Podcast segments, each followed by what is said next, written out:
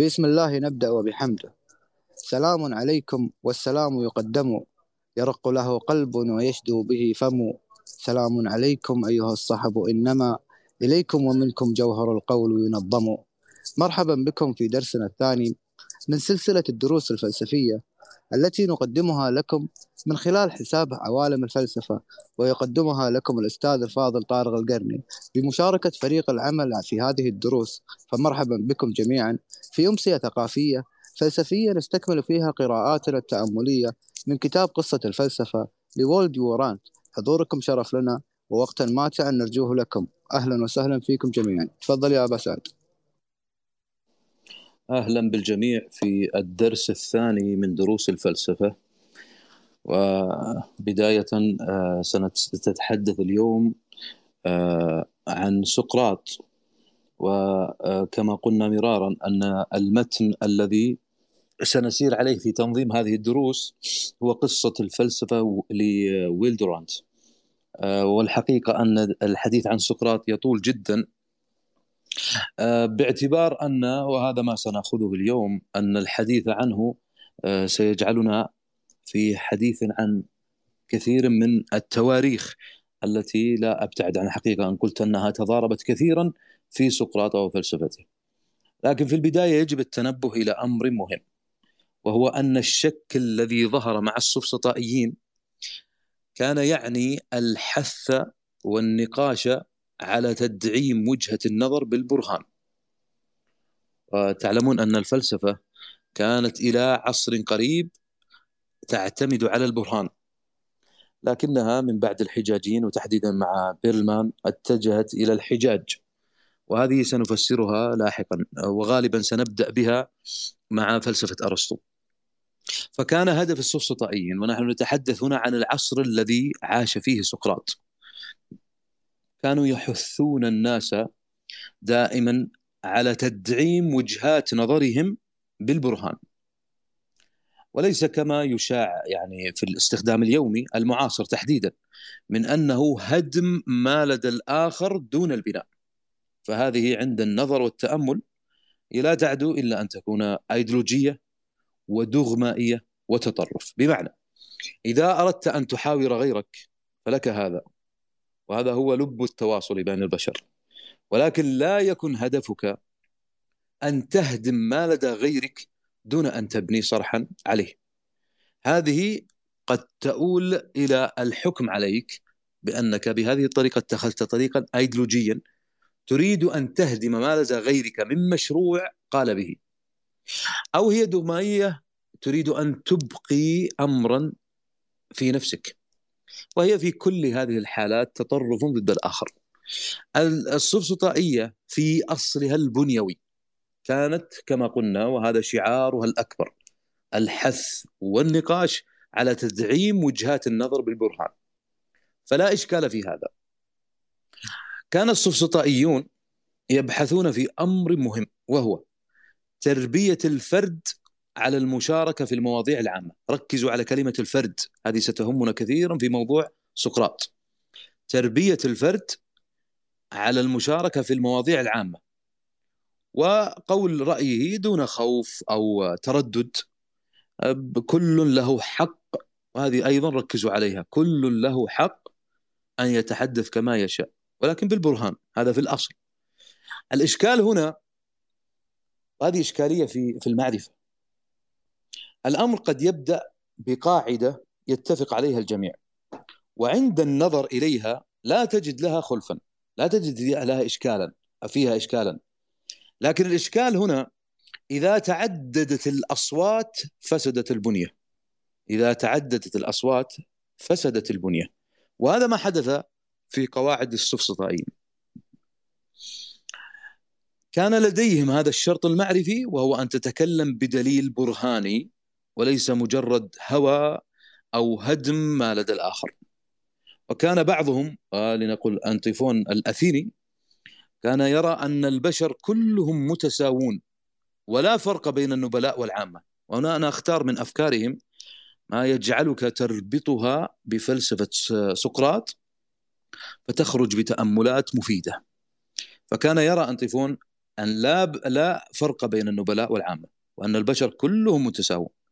طبعا هذا على خلاف مع ثراسيماخوس هذا كان يرى أن وهذا الذي كان يصوره أفلاطون في الجمهورية يصفه بأنه بطل حقوق الأقوى. لاحظوا أن طبعا تعلمون أن أفلاطون ما كان يؤمن بهذه النظرة ابدا وكان يردها تماما.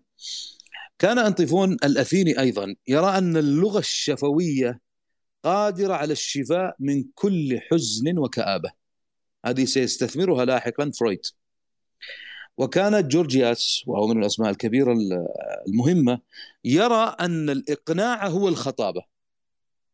وهذا ما جعل فلسفته تميل إلى التعمق في النفس البشرية النفس الإنسانية. ولكن هذا سيقود لاحقا إلى استخدام الخطابة في أمور تميل إلى الشر والأذى. لماذا؟ هذا نقطة مهمة لعدم ضبط المصطلح. وسيكون كلامه هذا. ركيزة اعتمد عليها أرسطو في فن الخطابة. وكتاب فن الخطابة نستطيع أن نقول أنه هو الذي أسس النقد وهو في نفس الوقت محاولة للإصلاح ما بين مدرسة سقراط وأفلاطون وما بين السفسطائيين وإن كان ميله واضحا طبعا إلى أساتذته. ولكن هذه تحديدا هذه تحديدا مهمة جدا لقراءة ما أنتجه سقراط وتلاميذه. هذه نقطة مهمة. وإن كان يعني كلمة تلاميذه هذه يجب أن تحرر. كانت كان سقراط دائما ما يرفضها ويقول لا تلاميذ لدي. لماذا؟ هو نوع من التنويه إلى ما كان يفعله السفسطائيون. بمعنى انه إذا إذا أتيت إلى النصوص ستجد أن هذا القول يعني بالذات في ما أنتجه أفلاطون. المقصود ليس ان ان سقراط لا تلاميذ له. لا تلاميذه كثر أبرزهم طبعا أفلاطون. ولكن كان يقصد أنه لا يأخذ المال عليهم. كان هذا قصده. طبعا هذا فيه رد على من؟ على السفسطائيين الذين كانوا يأخذون المال. ويأخذون المال حسب ما تريد أنت أن تتعلمه. فهذه أيضا لاحظوا أن هناك إشكالات حتى في هذه المسائل التي فيها الآخر. جورجياس الذي عاش بين عامي 483 و 375 ولاحظوا أنه قريب من هو أكبر من سقراط وتوفي بعده. وكان تلميذا لأنبادقليس. وكان مشغولا بالعلم الطبيعي. ثم دخل إلى الجدل والشك بواسطة جدل زينون الإيلي. لاحظوا أن التأثرات بالأشخاص قديمة العهد أن تتأثر بشخص معين ثم يمي ثم يأخذك بخطابه بكلامه بإنتاجه المعرفي إلى حقل آخر قد يكون مختلف تماما عن الحقل الذي بدأت به. وهذا أيضا ما سنعرفه عن سقراط أن حادثة واحدة غيرت مجرى حياة سقراط كاملة. فهذه قديمة قدم الإنسان وليست حادثة. جورجياس نشر كتابا تجدون ذكره كثيرا في كتب الفلسفة وهو في اللاوجود طبيعه ويمكن أن نذكر بعض الأفكار الكبرى في هذا الكتاب لأنها مهمة أيضا كما قلت أن سأحاول أن أركز على ما يفيدنا في آه، سقراط حتى نمهد. أنا ما زلت أمهد لسقراط. القاعدة الأولى أن لا شيء موجود. هذه القاعدة الأولى. اللا شيء موجود.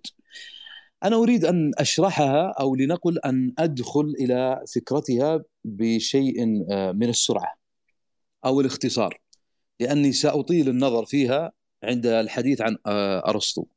لكن لعلي هنا فقط ألمح الماحه سريعة بهذه الفكرة لأنها فكرة مهمة جدا أيضا فيما سيأتي من سقراط وأفلاطون وأرسطو وبعد ذلك طبعا هذه مهمة أيضا في آه، في الدروس اللاحقة.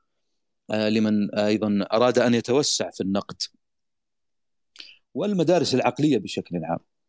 الآن لا شيء قاعدة لا شيء موجود لاحظوا لدينا ثلاثة احتمالات. ثلاثة احتمالات. الأول وجود. الثاني لا وجود. الثالث وجود ولا وجود معا. اذا لدينا ثلاث خيارات وجود الثاني لا وجود الثالث وجود ولا وجود معا وهذه أيضا نقطة مهمة لمن أراد أن يتوسع أيضا في المنطق عند هيجل الخيار الثاني نلغيه لا وجود لماذا؟ لأن القاعدة الكبرى لا شيء موجود وهذا الخيار يكون الاحتمال هذا لا وجود ما دام لا وجودا فهو بديهي أنه ينطبق مع ماذا؟ مع ماذا؟ القاعدة الكبرى لا شيء موجود إذا نلغيه الخيار الثالث وجود ولا وجود معا كذلك نلغيه. لماذا؟ لا يمكن الجمع بين الوجود واللا وجود في نفس الوقت. وبما أن هذا الأمر فيه وجود فهو مناقض للقاعدة الكبرى لا شيء موجود. إذا نلغي هذا الاحتمال. يبقى لدينا احتمال واحد وهو وجود. هذا هو الذي لا بد من التركيز عليه. هذا الخيار يلزم منه أمرين. الأول أن يكون الوجود أزليا قديما. ثانيا أن يكون حادثا. وهذه الفكرة ستحدث أمرا جللا في التاريخ الإسلامي في تحديدا لمن يقرأ ويتوسع في العقيدة. أن يكون الوجود أزليا ثانيا أن يكون الوجود أن يكون حادثا. إما أن يكون أزليا أو حادثا. حادثا يعني مخلوقا.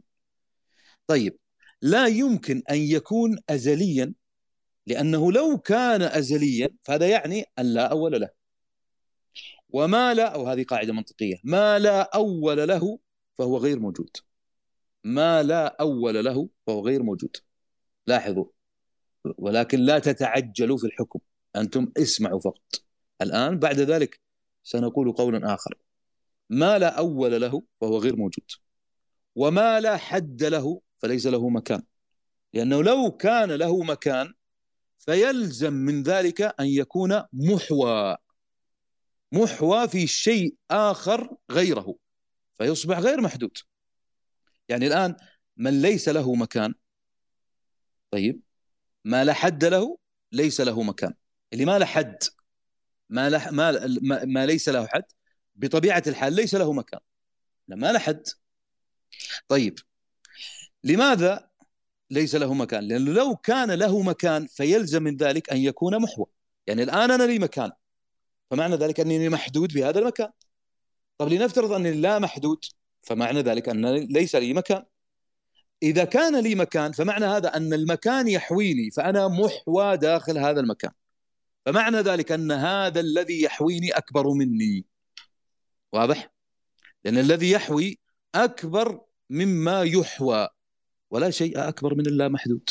الشيء اللامحدود الشيء اللامحدود هو أكبر شيء. ولا يمكن أن يحوي نفسه. اللامحدود لا يمكن أن يحوي نفسه. لأنه لماذا؟ لا يمكن اللامحدود يحوي نفسه. لأنه بهذه الحالة سيصبح المحوي والمحوى شيء واحد. يعني أنا مثلا لا محدود وأنا أحوي نفسي. كيف؟ هذه سيكون فيها خلف. لا يمكن أبدا أن تستقيم. يصبح الموجود هنا شيئين المكان والجرم الذي فيه. وهذا باطل وغير ممكن. وينتج عن هذا قاعدة إذا كان الموجود أزليا كان لا محدودا. لاحظ إذا كان أزليا كان لا محدودا. وإن كان لا محدودا فلا مكان له. وإن كان لا مكان له فهو غير موجود. إذا نعود هنا للقاعدة الأولى لا شيء موجود. هذا تعريف بسيط بها بهذه القاعدة. ولكني سأتوسع فيها أكثر عند الحديث عن أرسطو. ثانيا وهذه القاعدة مهمة جدا لمن آه، دخل عالم النقد. ثانيا ونحن ما زلنا في عالم جورجياس وآرائه الكبرى. الثانية إذا ما كان هناك شيء فإننا لا يمكن أن نعرفه. إذا يعني إذا يعني لو كانت مثلا هناك معرفة بالوجود فإن ما نفكر فيه لا بد أن يوجد. يعني الآن القاعدة الكبرى ما هي؟ إذا ما كان هناك شيء فإننا لا يمكن أن نعرفه. يعني أنا الآن قلت لك أعرف كذا معناها هو موجود. ما لا أعرفه فهو غير موجود عندي. على الأقل عندي أنا بغض النظر عن غيري. قلنا واربطوا الشيء بالشيء. أن القاعدة الكبرى تربية الفرد الفرد الفرد. فالآن إذا كان هناك أنا كفرد هذا الأمر لا أعرفه فهو غير موجود بالنسبة لي هو عدم. وإذا كانت هناك معرفة بالوجود فإن ما نفكر فيه لا بد أن يوجد. نحن لا نفكر إلا بالموجود. أما الشيء الغير موجود فإننا لا نفكر به لأنه عدم بالنسبة لنا. ولا يمكن بأي حال أن نفكر في شيء غير موجود. هذا يعني استحالة الخطأ. يعني إذا أنا لم أفكر بهذه الطريقة فمعنى ذلك أنني لن أخطئ. يستحيل الخطأ. وهذا بطبيعة الحال خلف محال. لا يمكن أبدا أن أصل له. هذه القاعدة الثانية. القاعدة الثالثة. لا يمكن نقل المعرفة إلى الآخرين إذا لم نملك معرفة بالوجود. الشيء الذي لا أعرفه كيف أنقله لغيري؟ هذه الأفكار لاحظوا هذه الأفكار عاش في محيطها سقراط. سقراط يسمع هذا الكلام وهو خير من يسمع. ويجب أن تعلم أن كثيرا مما جاء وهذه نقطة مهمة جدا يجب التركيز عليها. كثير ممن جاءوا بعد جورجياس عدوا كلامه هذا اللي هو الثلاث نقاط هذه عدوا كلامه هذا من قبيل النكتة. بل أبعد من ذلك أنهم كانوا يرون أنها نوع من الفكاهة الفكرية. يعني كل ما قلناه قبل قليل كان فكاهة فكرية. هذا رد عليه. لاحظوا هنا مهمتك أنت أن تتأمل أن تحكم أنت بمنطقك بعقلك. الصواب عند من؟ ليس المقصود أن تكون معياريا بقدر ما أن تقف تقف عند هذه الأفكار وتحاول أن تخرج منها بفكرة أنت سيدها. لا أن تأخذ هذه الأفكار فقط جاهزة. ولعلنا نناقش هذه كما قلنا مرارا في حلقات آه، أرسطو. لكني آه، يعني أردت أن أفتح هذا الباب حتى تعلم أن هذه القواعد وإن كانت في شكلها الأكبر آه، أفكارا ذات شكل أو صبغة معرفية لكنها قد تصل بناقدها إلى أن يجعلها فكاهة فكرية. أي لا قيمة لها بين الأفكار وكانوا يقولون عند ردهم على جورجياس أن مراده منها لماذا كتبت هذا اذا يا جورجياس؟ كان التأكيد على أمر واحد فقط هو قدرة الخطابة على تحويل الباطل إلى حق منطقي. لاحظ إذا كنت قويا في لغتك تستطيع أن تقلب الحق باطلا. هذه قاعدة جورجياس التي أراد أن يوصلها. والحق حقيقة وهذا ما أراه أنا أن كلامه هذا مفيد جدا في النقد. كما قلنا مرارا لعلنا نتوسع في هذا في دروس النقد التي ستأتينا بعد أرسطو. هذه أفكار مهمة كانت تحوم في سماء الفضاء الذي عاش فيه سقراط. فكان لزاما أن نقدم بها قبل أن ندخل إلى عالم سقراط. الفكري والحقيقة أن عالم سقراط الفكري عالم غريب قد لا تجد مثله بين كل الفلاسفة لأن هذا العالم الذي دخل فيه سقراط في الحقيقة أنه كان مملوءا بالأخبار التي قد تكون متضاربة في كثير من الأحيان. الاختلاف كبير جدا في شخصية أو حول شخصية آه، سقراط. هل هو كما صوره آه، زينوفون والتي تجدها في المؤدبة المأدبة مثلا وكذلك في في الذكريات. أو طبعا هذه الشخصية التي صورها هي شخصية المهتم بالمواطنين المواطنين الصالحين طبعا وبالرجال الطيبين دون أن ينشغل بالمنطق أو الميتافيزيكا. فهو اذا معلم شعبي معلم أخلاقي. هذا في نظري. هذه صوره أولى الآن عن سقراط. وصورة أخرى عن سقراط عند أشهر الفلاسفة على مر التاريخ أفلاطون أبرز طلابه وأقربهم. هي صورة الفيلسوف الميتافيزيقي العظيم والمبجل. فيلسوف ينقل التواصل اليومي إلى مستوى الفلسفة الترانسندنتالية المتعالية. وهذه هي التي تتميز عن الأفكار اليومية. لعلكم تعودون إلى الحلقة الأولى حتى تعرفون تعرفون الفرق بين الأفكار أو التفكير اليومي والتفكير الفلسفي. الصورة الثالثة نجدها عند أرسطو. أرسطو يرى أن سقراط لا يميز نظرية المثل. ويرى ان ولهذا السبب طبعا. صورة أخرى عند القبيادس وهذا شبه سقراط بأنه ساطير ساطير الساطير هو إله الغابات عند اليونان.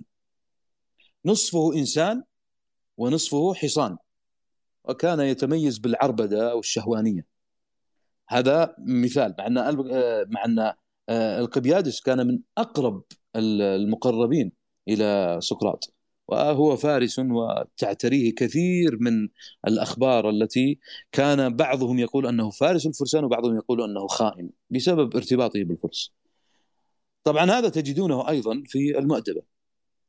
أو هو صورة مثلا ارسطوفان وكان يعني دائما ما يتحدث عنه بلغة أدبية ويركز حتى على أمور بسيطة جدا عنده منها الذي اشتهر به سقراط أنه دائما ما يقلب عينيه أثناء الحديث ولاحظوا أن الدقة هذه تجعلك أمام أيضا معرفة ما الذي كان يريده هؤلاء من سقراط وما الذي كان يريد أن يقولوه؟ وأيضا من الأمور التي ستجدها في تواريخ الفلسفة أن ثمة آراء تقول أن لا وجود أصلا شيء اسمه سقراط. هذه متطرفة جدا. أي أن سقراط شخصية وهمية وأن أفلاطون هو الذي ابتكرها من أجل أن يحمي نفسه سياسيا. هذه كما قلت أنها قد تكون يعني متطرفة إلى درجة كبيرة. لو أردنا أن نحصر أهم ما تميزت به فلسفة سقراط فنحن سنقول بما قاله أرسطو وهي أن نجعلها في أمرين. لاحظوا الآن ما هي الأمور الكبرى التي قالها أرسطو عن فلسفة سقراط؟ وأرسطو خير من يدرس يعني فلسفة سقراط. ال ال الأمر الأول هو استخدامه للحجج الاستقرائية. استخدامه للحجج الاستقرائية. الثاني هي التعريفات الكلية. الثاني هي التعريفات الكلية. طريقته في التعريفات الكلية وميزتها عما جاء به إفلاطون كما يقول أرسطو أيضا يفسر هذا الأمر ويقول سقراط لم يجعل الكليات أو التعريفات توجد منفصلة. لا هو جعلها شيئا واحدا كليا. في حين أن خليفته يقصد افلاطون هو الذي جعل لها وجود منفصل.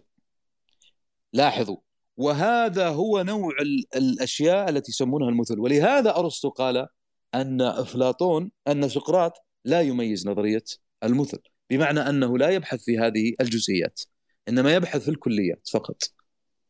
وهذه الكليات يستخدم الحجج الاستقرائية حتى يصل إليها. سقراط كان يهدف إلى بلوغ تصورات محددة وثابتة. وهذا هو أساس الخلاف مع السفسطائيين. وهم الذين يقولون بنسبية النظريات. ويرفضون ما هو صحيح على نحو كلي أو ضروري. لكن سقراط كان يصر دائما على أن يبقى التصور الكلي على نحو ما هو عليه. لماذا؟ لأن الأمثلة الجزئية يمكن أن تختلف. يمكن أن تختلف. لكن يبقى التعريف راسخ حتى وإن كان كليا. لكن النظر الآن لاحظوا النظر إلى الكليات. كيف نصل إلى هذه الكليات؟ الآن عندنا الجزئيات هذه مشكلتها أنها تختلف. فالشيء الثابت وسنذكر بعد قليل لماذا اتجه إلى البحث في الشيء الثابت. الشيء الجزئي متغير.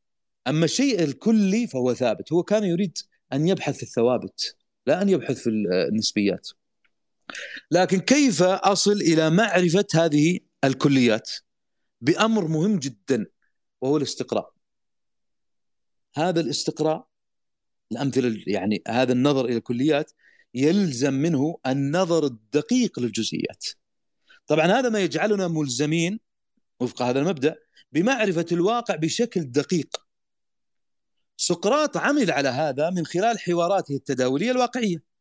فتعرف على الواقع بكل تفاصيله وبشكل دقيق جدا حتى يصل من خلال هذه الجزئيات إلى تشكيل كليات كبرى وهو غايته وما يريد آه، وما آه، يبحث عنه لابد أن تعرف أيضا وأنت تبحث آه، في سقراط وفلسفته أن الحياة العامة في ذلك الوقت الآن بما أنه بدأ يبحث في الجزئيات الحياة العامة في في أثينا في وقته كانت تؤمن بالديمقراطية حد التطرف فيها. طبعا هذا التطرف يظهر في أمر مهم وهو إبراز شخصية الفرد حتى لا نبالغ إذا قلنا أنه كان ينافس قوة المجتمع بل الدولة. لاحظ هذا يتعارض مع ماذا؟ مع ما قلناه عن السفسطين تربية الفرد كذا كذا كذا. اذا نحن الآن أمام استقراء لفلسفة مخالفة للسفسطائيين فكان هو يريد أن يكسر هذه الفردانية. سقراط كان يريد أن يكسر هذه الفردانية. هذا الأمر آه، كان شائعا في مجتمعه. أمر آخر هو الاختلاط الكبير للثقافات. كما قلنا عندما تحول الأسطول البحري إلى ميناء. قلناها في الدرس الأول. فأصبح هناك اختلاط كبير للثقافات. وقد تصل الأفكار وفق هذا الاختلاف حتى حد التضاد بينها. طبعا هذا يجعلك تفهم فلسفة سقراط وهي التي كانت تركز على الاستقراء والكليات وكانت تحب الحوار مع الجميع وتفتح كل الموضوعات المتصلة بحياة الإنسان مع رفعها طبعا إلى مستوى الكلي والمثالي حتى تقعد بنية. بنية تكون صالحة وتضم كل هذه الثقافات المختلفة وتخفف وطأة الفردانية. لاحظوا هنا النسقيه السقراطية. الآن أنا أمامي ثقافة معتمدة على الفردانية. الفردانيه لا تستقيم مع الكليات. وعندي مجموعة لا حصر لها لا لا نهاية لها. مثلا من هذه لا حصر لها ولا نهاية لها من الثقافات المتضادة. يمكن أن نقول إنها متضادة. طب هذه الآن هذه الاختلافات الكبيرة جدا. التي تكون بين هؤلاء. لابد أن يكون هناك أمر يجمع بين هؤلاء كلهم بنية واحدة نجمع بينها. ثم تبدأ الجزئيات بالاختلاف لا بأس. أعطي مثالا شهيرا. مثلا تعريف الإنسان حيوان عاقل. هذا تعريف كلي. أي حيوان بمعنى أنه يحيا. قد يحيا بهذه الطريقة وقد كل إنسان يحيا بطريقته. لا يهمني كيف يحيا. المهم كلهم يشتركون ببنية واحدة وهو الحياة وهي الحياة. كلهم يشتركون ببنية واحدة وهي الحياة. كيف تحيا؟ هذه جزئيات لا أهتم بها. عاقل حيوان عاقل. عاقل ما معنى كلية. كيف؟ هذا يستخدم عقله مثلا لو أخذناه بالنسب بنسبة 70% هذا يستخدمه 50% هذا يستخدمه في الشر. هذا يستخدمه في الخير. هذا يعطله اليوم يستخدمه غدا. هذا لا يستخدمه نهائيا. المهم كلهم يشتركون في هذه البنية. فيصبح الآن الإنسان حيوان عاقل كليه وداخل هذه كلها عند التفسير والتفصيل سنجد هناك آه، جزئيات ليست هي قضيتي. لكن كيف وصلت إلى هذه الكلية؟ عن طريق معرفة حياة هذا وحياة هذا وحياة هذا، فاكتشفت أن كل هؤلاء يجمعهم شيء واحد وهو انه كلهم يحيون. واكتشفت أن هؤلاء كلهم يفكرون بايا كانت طريقة التفكير، اذا كلهم عقلاء أي عندهم عقول.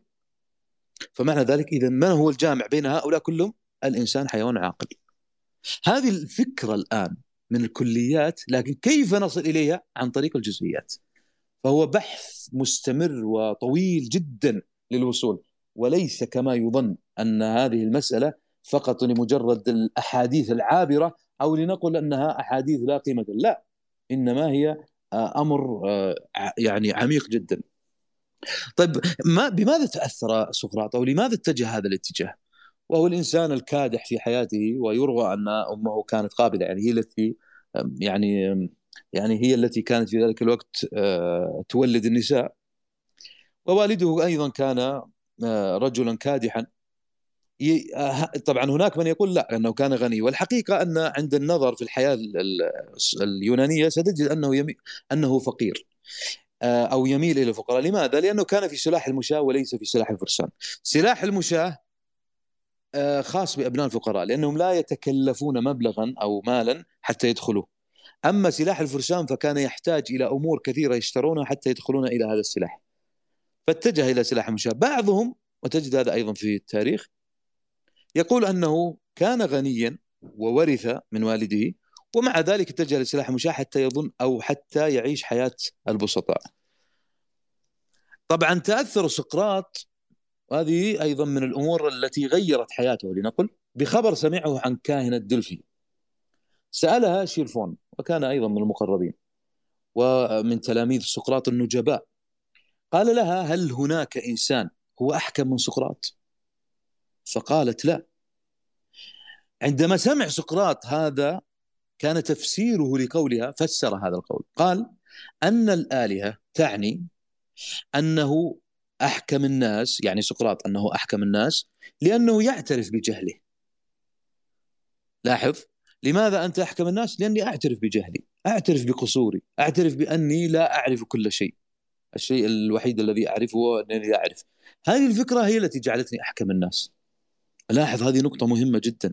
وإذا كان هذا المبدأ مبدأ أساس الآن في تأسيس هذه الفكرة وهذا الحقيقة أن هذه الفكرة أيضا غيرت حياة سقراط كاملة هو السؤال الآن الذي من الممكن أن يتساءله أي أحد. إلى أي قدر؟ كنسبة يعني. أنت تعترف بأنك جاهل. يعني ما هي الممارسات الحقيقية الفعلية في سلوكك التي تجعلك فعليا تتبنى هذا الرأي. ليس بالحديث العام فقط لا. هل أنت فعليا فعليا تعترف بجهلك؟ ترى أنك فعليا لم تصل إلى شيء يجعلك تطغى على غيرك؟ هذا تساؤل أخلاقي. طبعا سقراط لما سمع هذا ال هذا ال الكلام أو هذا الموقف غير حياته تقريبا تماما. أصبح يبحث باستمرار عن الكل والثابت. ولاحظ عودوا هنا إلى الدرس الأول أيضا عندما تحدثنا عن البحث عن الحكمة في تعريف الفلسفة. البحث عن الحكمة. هو فعليا طبقها واقعيا. كان يبحث باستمرار. والذي يبحث باستمرار هو الذي لم يشبع. فهو الآن يبحث عن المعرفة لأنه لم يتشبع منها. ما زال يرى أنه محتاج لها. كل إنسان يبحث فهو لم يشبع مما يبحث عنه. هذه الفكرة غيرت حياته كليا فكان يرى أنه لا بد من الكل والثابت. وعندما وصل إلى نقطة أنه وصل إلى الكل الثابت قرر أن يموت وأن لا يهرب من محاكمته. كانت طريقة سقراط تقوم على الأمثلة والحوار الدائم. يقول مثلا المحاور شيئا يذكر مثلا فيه كلمة العدالة مثلا فيسأله سقراط وما هي العدالة؟ هو يريد من مستخدمها أمرا مهما جدا وهو أن يقولها وهو عارف بمعناها بدقة لا فقط مرددا لها. وعندما يورد المتحاور تعريفا يبدأ سقراط بإثارة إشكالية من تعريفه. تكون طبعا إشكالية حقا وليس مجرد عبث في الحوار. على عكس ما ترونه في كثير من التداوليات الآن. بمعنى أنني أريد أن أصل بك أيها المتحاور إلى أمر مهم جدا. لا تقل إلا ما تعرفه وتعرف كل دقائقه. لا تتحدث إلا بمعرفة. ارجعوا هنا لما قلناه عن جورجياس لا بد أن تعرف لأن إذا تحدثت عن شيء لا تعرفه فأنت تتحدث عن عدم. هذه نقطة أيضا كما قلنا يعني اخت... يعني عندما قلنا تنبؤ على جورجياس لأن هذه ستفيدكم كثيرا في فهم آه، محاورات التي تحدث فيها سقراط.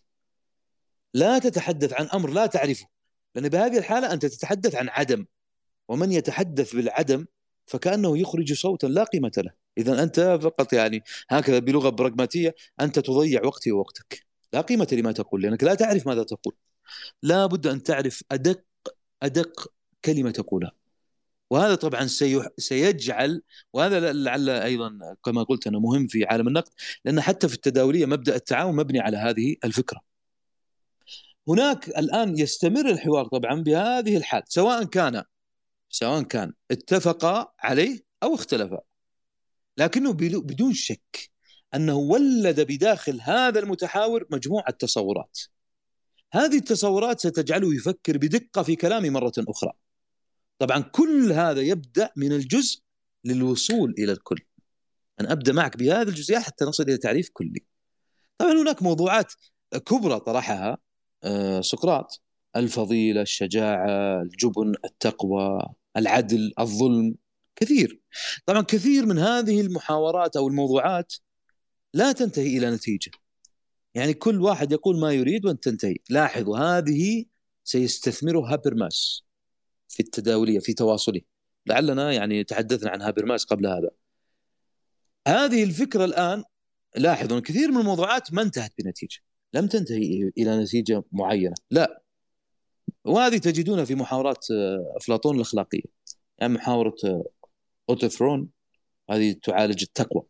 محاو... آه، أيضا محاو... محاورة ليسيس هذه تعالج الصداقة وغيرها. هذه لم تصل إلى نتيجة ما كان في نتيجة لها.